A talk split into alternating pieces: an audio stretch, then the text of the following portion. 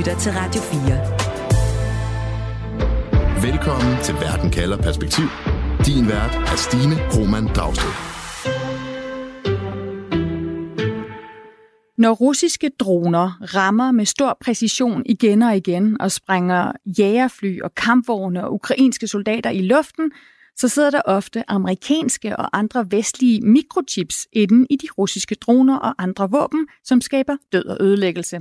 Og det på trods af, at både USA og EU har indført sanktioner, der netop skulle forhindre Putins hær i at få fingrene i mikrochips og andre komponenter, som kan hjælpe hæren på slagmarken. Så hvordan får russisk militær fat i vores vestlige mikrochips, og hvorfor er mikrochips egentlig så vigtige i en moderne krig? Det handler verden kalder om, hvor jeg spørger, Hvorfor ender vestens mikrochips i russiske våben? Jeg hedder Stine Krummernd Dragsted. Velkommen til Verden kalder perspektiv. Du lytter til Radio 4. Og også velkommen til dig, Anders Overvad. Ja, mange tak. Chefanalytiker i Tænketanken Europa, og du følger jo, Anders, EU, så de vestlige sanktioner tæt. Allerførst, hvordan har ukrainerne opdaget, at der er vestligt produceret mikrochips i de våben og droner, som russerne bruger?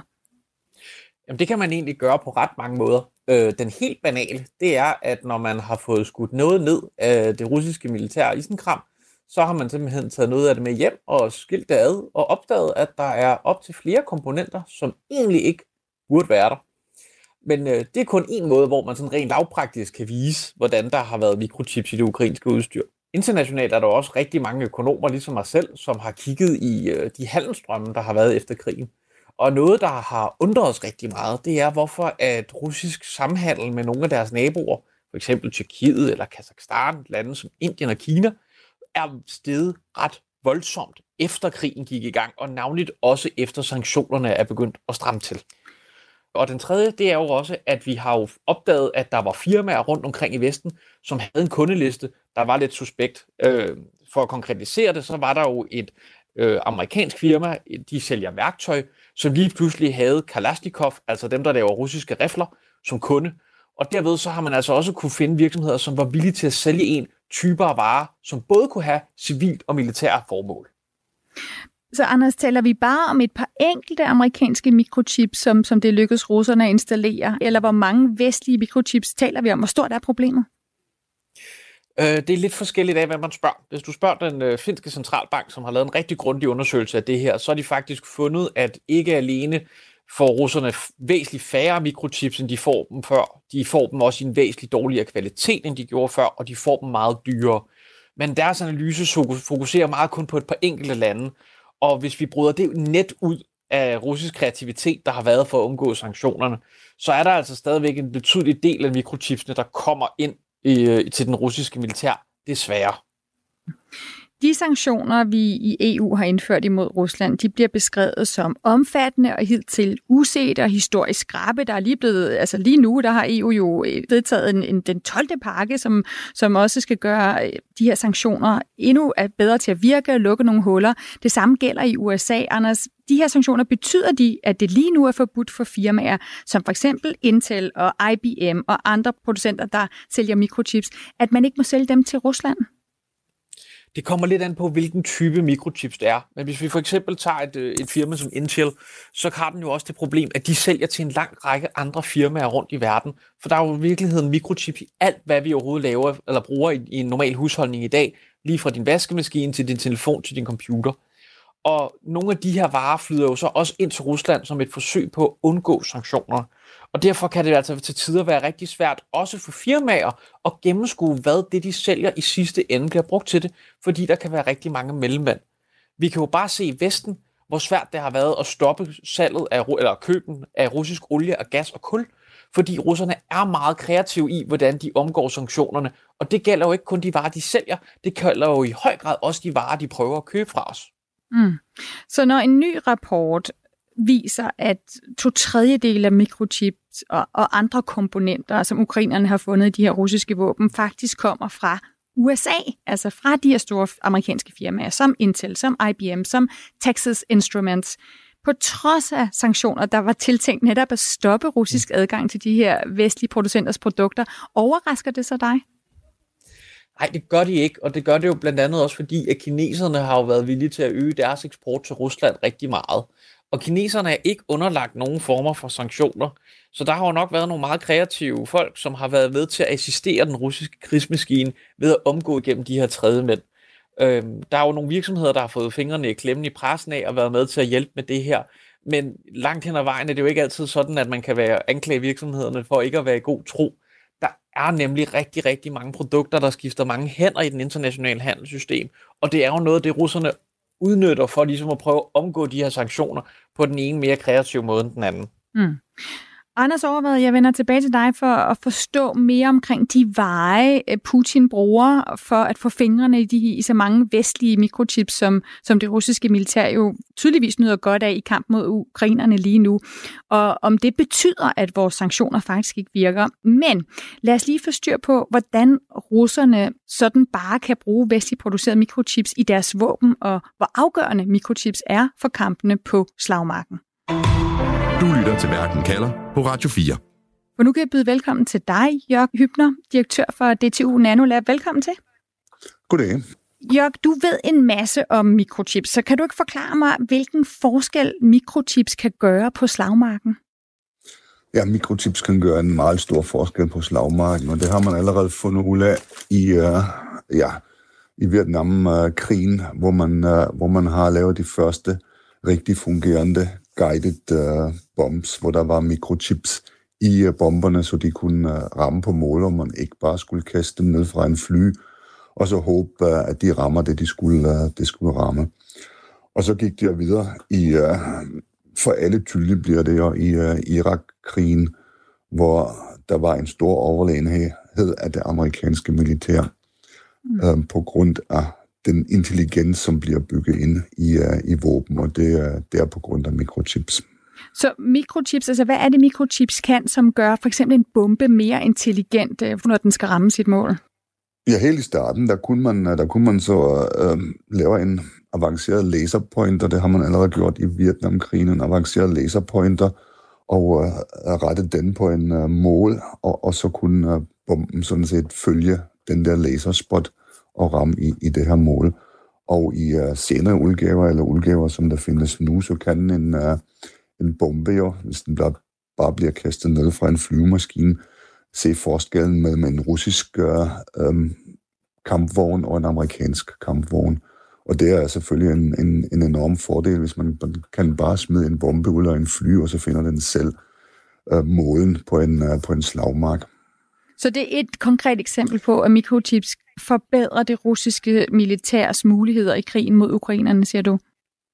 Ja, altså det, det, det tror jeg ikke umiddelbart russerne har den teknologi, men det er jo bare den teknologi, som, som, uh, som gør det, uh, at mikrochips er så vigtig.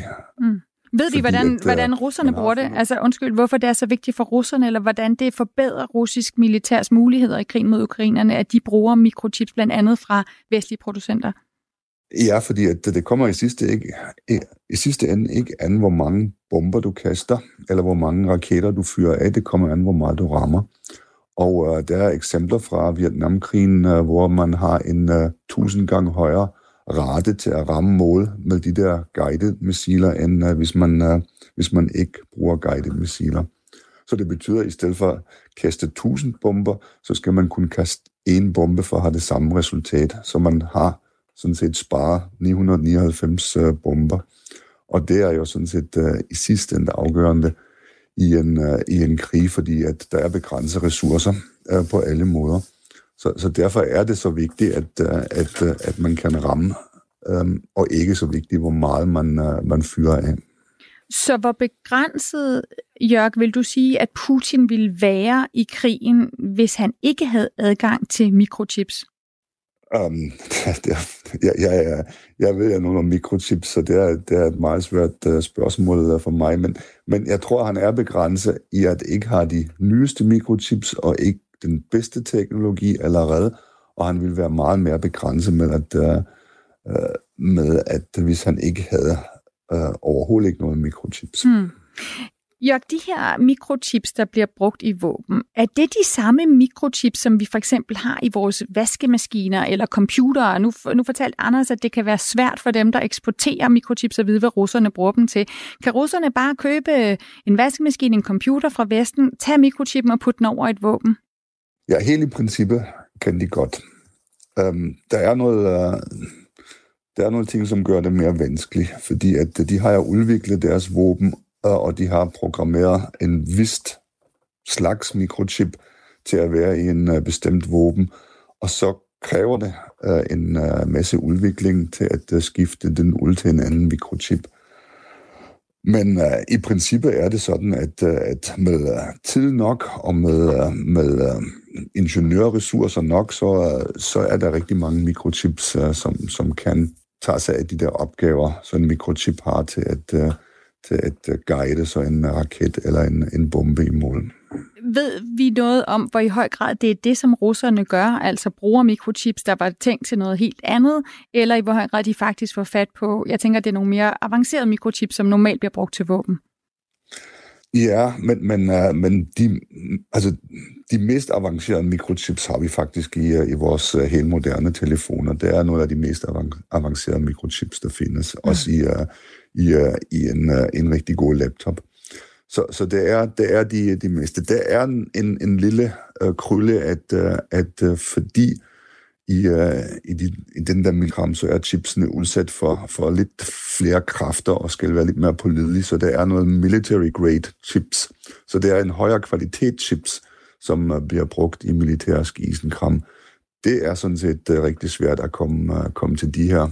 Men, uh, men en, en almindelig mikrochip uh, øh, kan altså også uh, gøre jobbet bare ikke helt så pålidelig som en øh, uh, military grade uh, mikrochip. Nu viser det måske lidt om min egen alder, at jeg så kommer til at tænke på, på DVD'er og DVD-regionskoder. Ikke? Altså jeg har selv flyttet min familie fra Europa til USA til Afrika på et tidspunkt, hvor, hvor vi og, og mine børn så film og serier ved at bruge DVD'er. Og vores europæiske DVD'er, de kunne ikke ses i USA, og vores amerikanske kunne ikke ses, da vi landede i Nigeria i Afrika.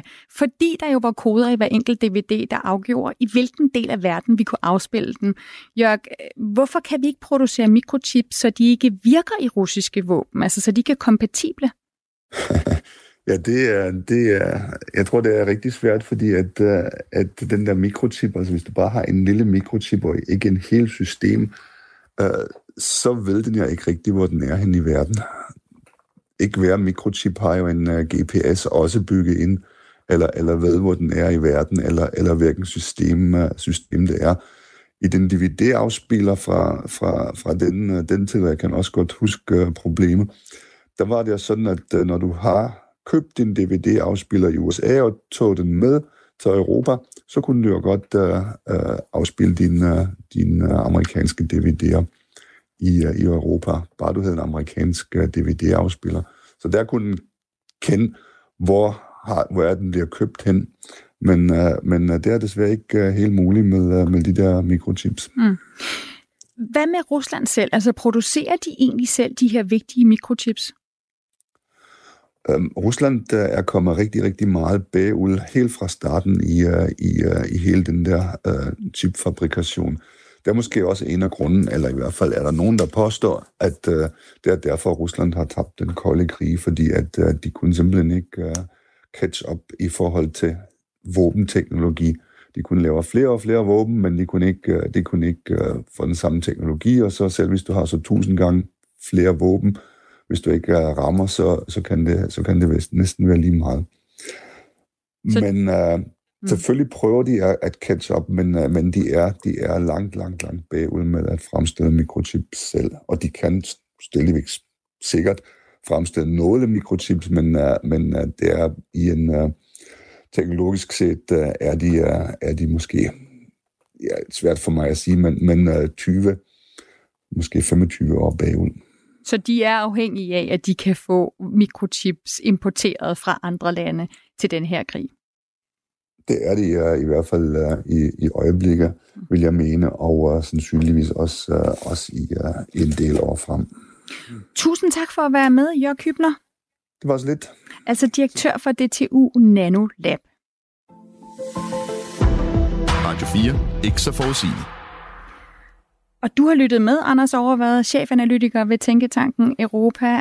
Anders, ved vi mere præcist, du var inde på det lidt tidligere, men altså hvilke veje rejser de her vestligt producerede mikrochips, siden at de kommer fra amerikanske producenter og andre vestlige producenter, i hænderne på Putins her?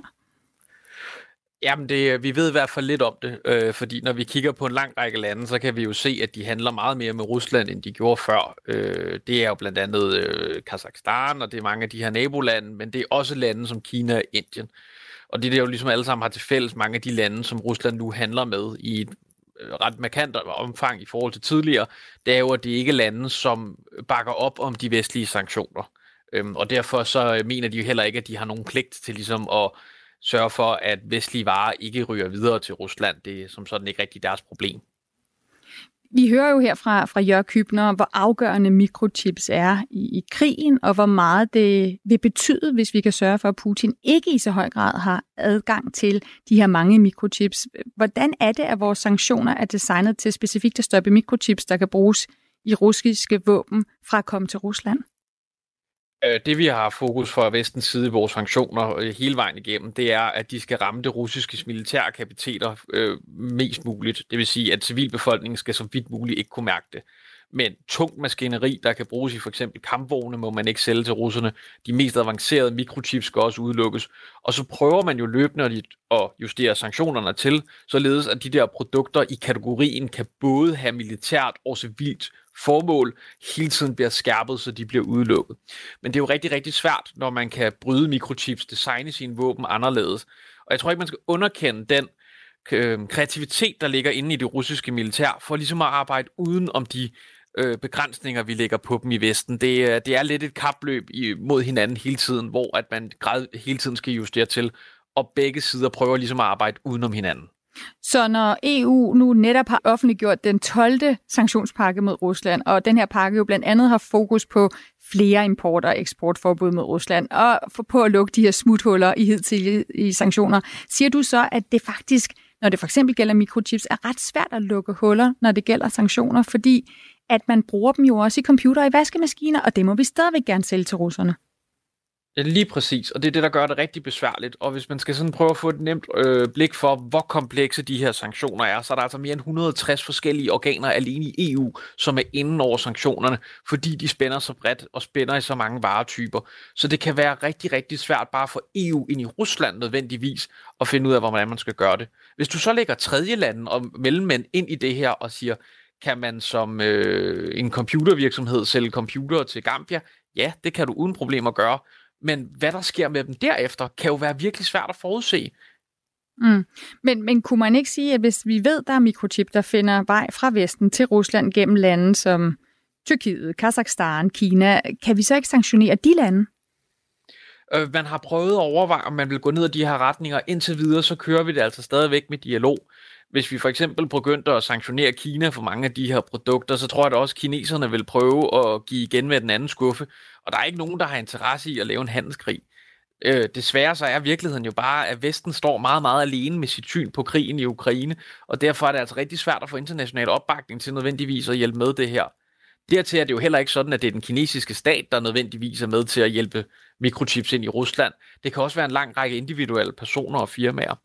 Dem prøver man i stigende grad også at håndtere og sørge for at bandlyse for at kunne handle med men de kan hurtigt opstå i andre former og i andre konstruktioner, der kan gøre det rigtig, rigtig svært at holde dem kontinuert ude. Mm, så det er svært med de her sanktioner, dels fordi der er geopolitik i det, og dels fordi, at nogle af aktørerne ikke er nationer, vi sådan kan gå ind og sanktionere på den måde.